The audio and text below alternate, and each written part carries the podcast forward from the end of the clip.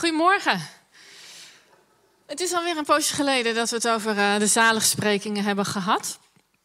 Uh, vandaag dus de zaligspreking, gelukkig de barmhartigen, want zij zullen barmhartigheid ondervinden. Maar eerst even terug. Wat hebben we? Uh, even een, een soort recap. Want wat weten we ondertussen al? Wat zijn deze woorden van Jezus en wat hebben ze te maken met zijn missie, met zijn komst naar deze wereld?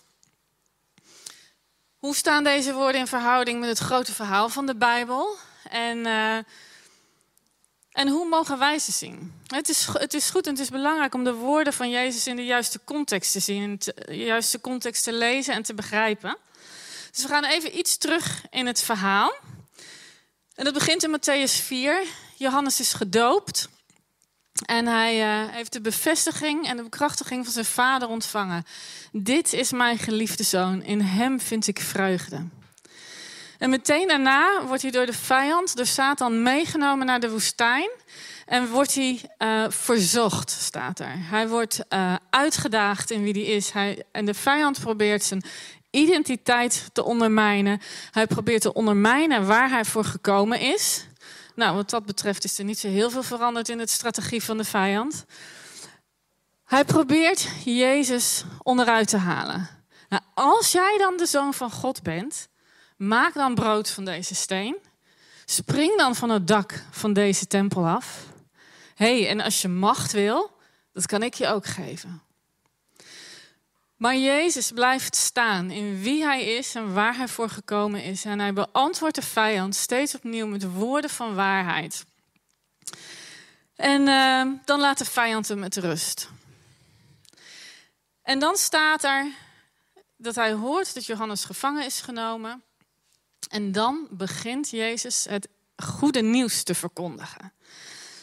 Vanaf dat moment begint hij het goede nieuws van het koninkrijk van God te delen dat God zijn koninkrijk wil herstellen op aarde. En herstellen zoals het van het begin af aan eigenlijk bedoeld was. En in Matthäus 4, vers 17 staat dan dat hij roept, dat hij zegt: Kom tot inkeer, want het koninkrijk van de hemel is nabijgekomen. Het is nabijgekomen in hem. En dat is goed nieuws. Want het koninkrijk van God is een totaal ander koninkrijk dan het koninkrijk of de machthebbers en de heerschappij van die tijd. En in die zin ook van deze tijd. In die tijd was het een, uh, een harde cultuur. Het ging om macht, het ging om stand, het ging om status, het ging om eer. En verbonden aan de eer zit dan ook schaamte en uitgestoten worden. En dan spreekt Jezus over de orde van het koninkrijk van God. En luister even mee. Je hebt ze nu ondertussen al een paar keer gehoord, maar we lezen ze opnieuw. Gelukkig wie nederig van hart zijn, want voor hen is het koninkrijk van de hemel. Gelukkig de treurenden, want ze zullen getroost worden. Gelukkig de zachtmoedigen, want ze zullen de aarde beërven. Gelukkig wie hongeren en dorsten naar gerechtigheid, want ze zullen verzadigd worden. Gelukkig de barmhartigen, want ze zullen barmhartigheid ondervinden. Gelukkig wie zuiver van hart zijn, want zij zullen God zien. Gelukkig de vredestichters, want zij zullen kinderen van God genoemd worden. En gelukkig wie vanwege de gerechtigheid vervolgd worden, want voor hen is het koninkrijk van de hemel. Gelukkig zijn jullie wanneer, je om, wanneer ze je omwille van mij uitschelden, vervolgen en van allerlei kwaad betichten. Verheug je en juich, want je zult rijkelijk beloond worden in de hemel. Zo immers vervolgden ze voor jullie de profeten. Wat Jezus hier doet, is een beschrijving geven van die mensen waarvoor hij gekomen is. Voor wie het koninkrijk is. En dat zijn dus niet de mensen van status. Dat zijn niet de mensen van macht. Dat zijn dus niet de mensen die alles voor elkaar hebben. Nee, het zijn de treurenden, de zachtmoedigen, de barmhartigen, enzovoort, enzovoort. Zij worden als eerste uitgenodigd in het koninkrijk. En zij worden het, als eerste het koninkrijk binnengeroepen. Nou zijn deze zaligsprekingen in onze tijd of in de christelijke traditie of hoe je het ook wil noemen, vaak ook verworden tot een soort deugde die je moet nastreven. Hè? En dan zullen we gezegend worden. Alsof er een, iets is wat je kan doen en dan verdien je de zegen van God. Maar als we dat doen, dan draaien we het precies om. Dan draaien we precies om waar Jezus voor gekomen is. Dan proberen we opnieuw status en liefde te verdienen door onze eigen kracht. Dan ehm, doen we precies het tegenovergestelde van wat Jezus hier eigenlijk wil zeggen en waar hij voor gekomen is. Dus laten we de woorden van Jezus horen en tot ons nemen zoals ze bedoeld zijn. Als Gods waarde en als de cultuur van zijn koninkrijk. Dus dan vandaag de waarde zalig de barmhartige, gelukkig de barmhartige, want zij zullen barmhartigheid ondervinden. Nou, barmhartigheid. Wanneer heb je dat woord voor het laatst gebruikt? Afgelopen week? Afgelopen jaar? Het is niet een woord wat echt in onze vocabulaire zit. Hè? Toch is het een woord wat heel belangrijk is in de Bijbel en in Gods koninkrijk. Omdat het namelijk iets beschrijft van het karakter van God. Het laat zien wie God is, hoe zijn hart is. Wanneer Mozes vraagt aan God: Mag ik uw majesteit zien? Dan zegt God: Ik laat je zien dat ik barmhartig ben. Ik laat je zien dat ik genadig ben. En in Romeinen staat dat Jezus is gekomen om te laten zien dat God barmhartig is. Dus door de hele Bijbel heen lees je over de barmhartigheid van God. Maar wat betekent het dan precies? Want het is zo'n ouderwets woord en we gebruiken het niet meer. Wat betekent het nou precies? Nou, in de Bijbel wordt het vaak vertaald met liefdevol, genadig, vriendelijk, maar ook medelijden. Maar er zijn eigenlijk meer omschrijvingen dan, dan dat het werkelijk de betekenis pakt. Het woord dat in het Oude Testament gebruikt wordt en uh, wat, wat vertaald is als barmhartigheid, dat Hebreeuwse woord is verbonden aan het woord baarmoeder, moederschoot. Dus dat gaat over iets heel intiems, iets heel koesterends, iets heel um, ja, moederlijks. En in het Nieuwe Testament zijn er drie verschillende woorden die met barmhartigheid vertaald zijn. En de eerste is splagnitsomai.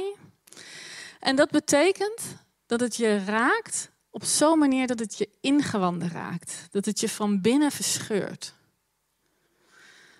Een andere, ander woord wat met barmhartigheid is vertaald is elios. En dat betekent emotionele aandacht voor dat wat in nood is. En een ander woord, ai, ja, ik ben niet zo goed in Grieks. Aikatermon. En dat betekent meevoelen, meelijden.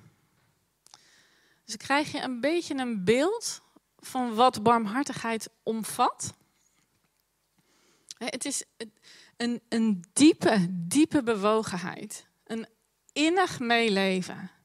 Een echt met ontferming bewogen zijn. Nou, het bekendste verhaal over barmhartigheid in de Bijbel? Barmhartige Samaritaan. Um, Jezus vertelt het verhaal van een man die onderweg was, op reis was. En onderweg wordt hij overvallen. Hij wordt in elkaar geslagen. Hij wordt van zijn kleren beroofd, van zijn bezit beroofd, van zijn kleren beroofd. En hij wordt voor dood achtergelaten op de weg. En er komen verschillende mensen langs: een priester, een leviet en een Samaritaan. En de priester en de leviet die lopen met een grote boog om hem heen. Dus die hebben hem wel gezien, maar die lopen eromheen. En over de Samaritaan staat in Lucas 10. De Samaritaan echter, die op reis was, kreeg medelijden met hem. Hij ging naar de gewonde man toe, toe gooit goot olie en wijn over zijn wonden en verbond ze. Hij zette hem op zijn eigen rijdier en bracht hem naar het logement waar hij voor hem zorgde. En de volgende morgen gaf hij twee denari aan de eigenaar en zei: Zorg voor hem. En als u meer kosten moet maken, dan zal ik u die op de terugreis vergoeden. Wie van deze drie, vraagt hij aan de wetgeleerde met wie hij in gesprek is, aan een schriftgeleerde. Wie van deze drie is volgens u de naaste geworden van, de van het slachtoffer van de rovers? En de wetgeleerde antwoordde: De man die hem barmhartigheid heeft betoond. Het, het woord medelijden, wat daar staat, wat die Samaritaan voelde, dat is dus dat woord splag niet zo mij. Dus, dus die Samaritaan, die, die zag die man liggen en die werd zo diep geraakt van binnen. Die vond het zo vreselijk om dat te zien, dat hij in beweging kwam. Waarom de priester en de leviet er met een grote boog omheen gaan, dat vertelt het verhaal niet. Het zou kunnen zijn dat ze bang waren om, om, om onrein te worden door het aanraken van deze man. Misschien was het zo dat ze dachten van, nou ja, dit is vast een straf van God voor de man zijn geheime zonde. Of misschien dachten ze wel van, ja, dat is gewoon zijn eigen schuld. Moet je maar niet alleen op reis gaan, moet je maar niet op dat tijdstip daar zijn. We weten het niet. Maar de Samaritaan, die reageert anders. Hij ziet, hij wordt geraakt en hij komt in beweging. En dat is waar barmhartigheid over gaat. Een hart dat geraakt wordt door het lijden van de ander en dat vanuit het binnenste zo geraakt wordt dat het in beweging komt. Zonder oordeel, zonder beschuldiging. En gelukkig ben je als de dingen je zo raken dat je in beweging komt. En waarom? Omdat dat het hart van God is omdat je daarmee het hart van de Vader laat zien. En omdat je daarmee het koninkrijk vertegenwoordigt in deze wereld. En als mensen van de stad Utrecht zouden we wel bekend moeten zijn met barmhartigheid. Het wapen, de vlag van de stad Utrecht zijn een verwijzing naar de mantel van Sint Maarten. Kennen jullie het verhaal? Sint Maarten, Romeinse soldaat, op een koude winterdag op weg uh, met een groep soldaten.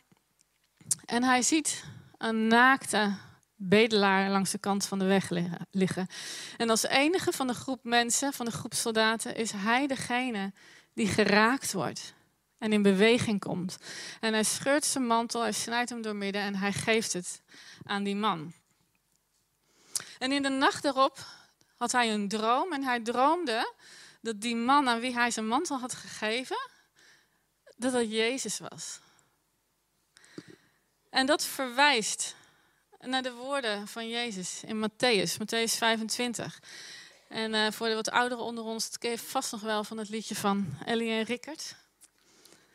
Want ik had honger en jullie gaven mij te eten. Ik had, ik had dorst en jullie gaven mij te drinken.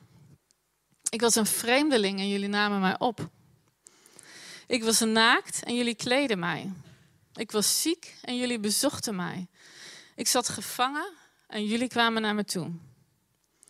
En ik verzeker jullie, alles wat jullie hebben gedaan voor een van de geringste van mijn broeders of zusters, dat hebben jullie aan mij gedaan. In de christelijke traditie zijn dit de werken van barmhartigheid geworden. De zeven werken van barmhartigheid. En in de middeleeuwen zijn er nog een aantal aan toegevoegd, onder andere het begraven van de doden. En paus, uh, paus Franciscus die pleit ervoor om zorg voor de schepping ook toe te voegen aan de werken van barmhartigheid. Maar even terug naar het verhaal van de barmhartige Samaritaan. Wat kunnen we leren? Wat zit hierin voor ons dat we mee kunnen nemen? Drie dingen. Hij zag. Hij was op weg. Hij deed gewoon zijn dagelijkse ding of wat hij van plan was die dag te doen. En hij zag. Hij keek en hij zag.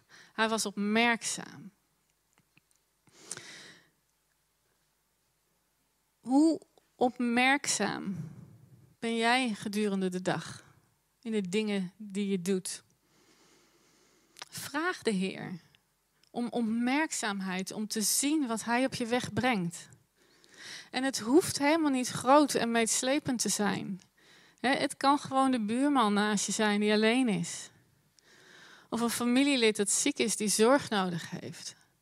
Dat is barmhartigheid. Sommigen van jullie hebben uh, vluchtelingen in huis gehad. Of een student in huis genomen die, uh, die een woning zocht, die van, van, van ergens anders vandaan kwam. En daarmee heb je het hart van de Vader laten zien. Daarmee heb je Gods koninkrijk laten zien. Het tweede is, wat raakt jouw hart? De barmhartige Samaritaan, hij zag en hij had medelijden. Wat raakt jouw hart? Want misschien is dat wel waar Jezus jou roept om in beweging te komen. En vraag het hem maar. En misschien ben je vrij rationeel en is het niet zozeer dat het een gevoel is wat bij je opkomt, maar meer dat je onrecht ziet en gewoon verbolgen raakt. Een soort heilige verontwaardiging en dat dat je in beweging mag zetten. En het derde is kom in beweging. En soms is het heel duidelijk wat je kan doen. En soms niet. Vraag de Heer wat jij mag doen. En wat jouw aandeel in het geheel is. In het verhaal van de barmhartige Samaritaan, hij, hij verzorgde de man, hij nam hem mee en op een gegeven moment liet hij de zorg voor de man aan een ander over. En wie van jouw broers of zussen kan jou helpen in dat wat jou zo geraakt heeft? Maar nou zit er nog wel een ingewikkeld dingetje aan de, deze zaligspreking. He, gelukkig ben je, gelukkig zijn de barmhartigen, want zij zullen barmhartigheid ondervinden. En dat klinkt dan bijna weer als als jij barmhartig bent, dan krijg je het ook. Het klinkt alsof je het moet verdienen. Het klinkt alsof je het zelf moet doen. Maar we hadden toch geconstateerd dat de zaligsprekingen geen deugden zijn die je na moet streven, maar een cultuur van Gods koninkrijk. Dus het is niet de bedoeling, het kan niet de bedoeling zijn dat je moet werken om de barmhartigheid van God te verdienen of de barmhartigheid van een ander. Dat is nou net precies wat we niet kunnen. Dat is nou net precies waar Jezus voor gekomen is.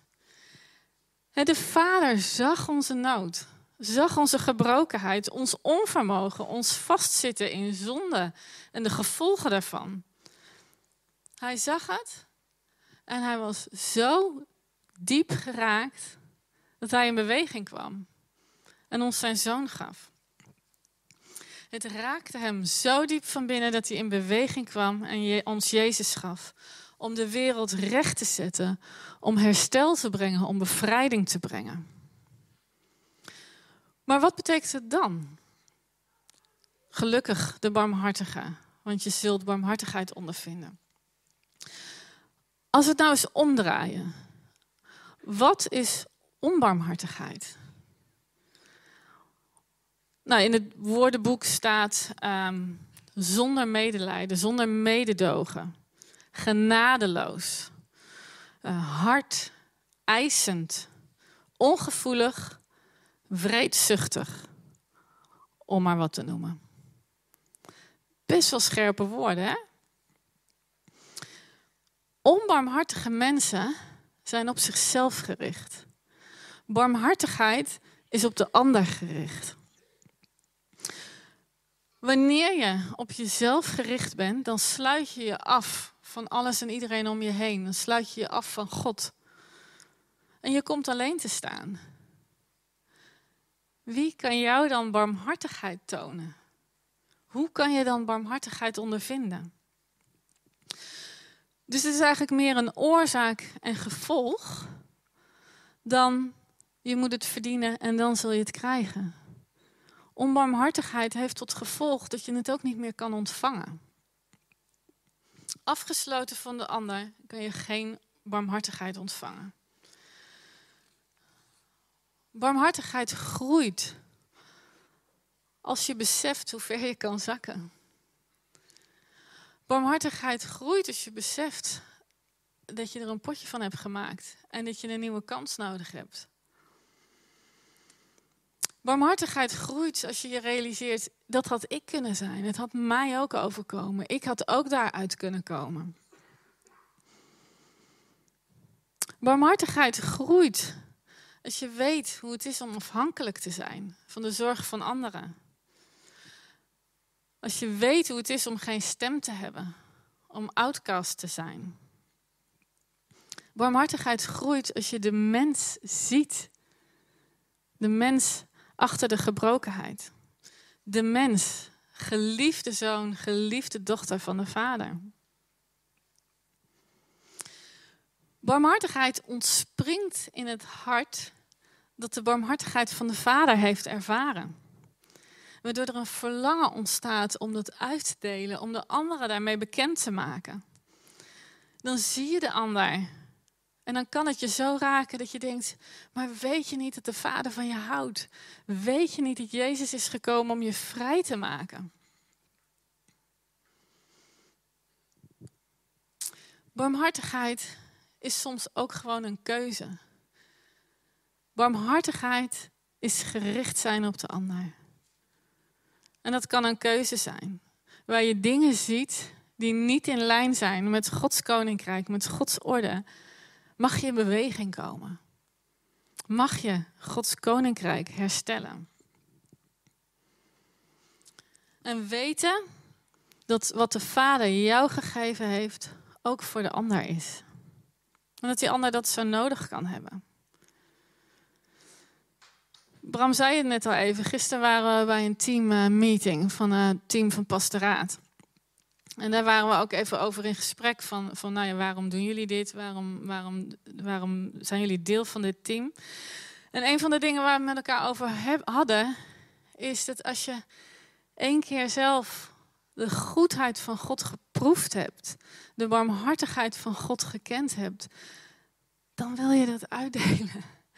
Dan, dan, dan wil je, dan, dan, dan zie je waar het, waar het schuurt en waar het vast kan zitten bij een ander. En dan wil je, dan wil je vrijheid brengen aan de ander. Dus je weet hoe hij dingen recht kan zetten in het leven, in deze maatschappij.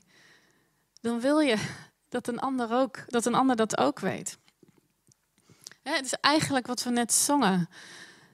Als je weet dat Jezus leeft, dan wil je zingen. Zingen dat we niet bang hoeven te zijn, omdat Hij ons heeft bevrijd. Dan willen we zingen van de goedheid van God, totdat iedereen het weet. Dat is barmhartigheid. Gelukkig ben je als je hart zo geraakt wordt dat je in beweging komt.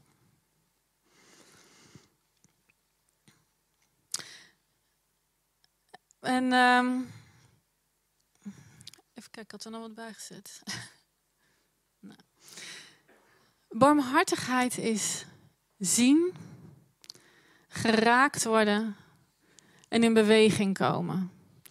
En mag het bewogen hart van de Vader, het kloppende hart van Jezus, ook ons hart zijn. Zodat zijn koninkrijk kan komen. Zodat de wereld hersteld wordt en de mens rechtgezet wordt en recht gedaan wordt. En Jezus gezien zal worden op deze aarde. Ik wil afsluiten met een psalm, psalm 67, vers 2 en 3. Waarin eigenlijk precies dit beschreven staat. Mogen God ons genadig zijn en ons zegenen. Mogen het licht van zijn gelaat over ons schijnen. Dan zal men op aarde uw weg kennen. Onder alle volken uw reddende kracht. Zullen we gaan staan?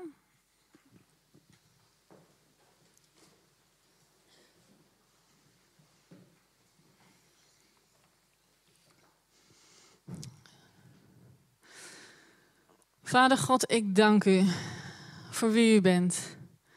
Barmhartig, genadig, liefdevol. Ik dank u dat uh, u ons zag, verloren, gebroken, vast in zonde. En dat u uw zoon gegeven heeft om ons te bevrijden, om ons te redden en om uw koninkrijk te herstellen. En Jezus, we danken u dat u die weg bent gegaan. En we danken u en we verklaren dat u leeft.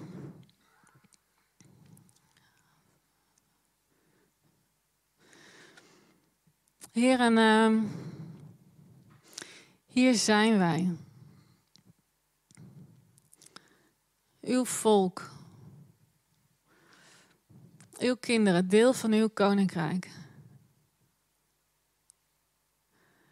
Ik bid dat u uw hart in ons legt. Ik bid dat u onze ogen opent, zodat we zien. Ik bid dat u ons hart raakt op nieuwe manieren. En we bidden u om moed om in beweging te komen voor dat waar u ons toe roept.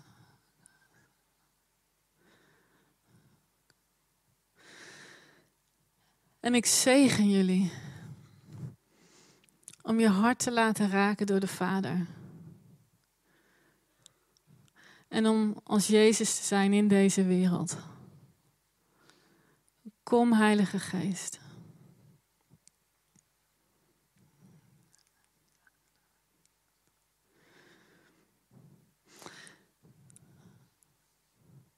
Ik zegen je.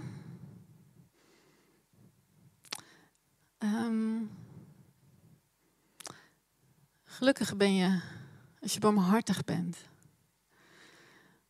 Barmhartigheid vindt ook vaak plaats, um, dan niet zo heel erg op de voorgrond, in het verborgene.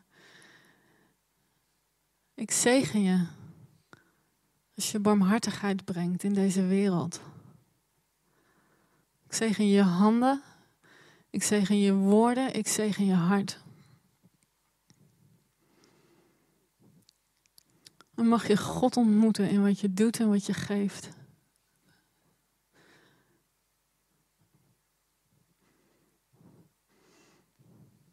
En in Jezus' naam zeg ik dank je wel dat je zijn koninkrijk brengt in deze wereld.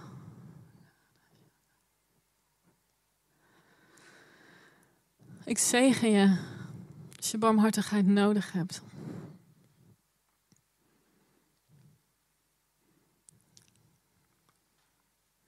Ik zegen je om je hart te openen. Om barmhartigheid te ervaren en te ondervinden.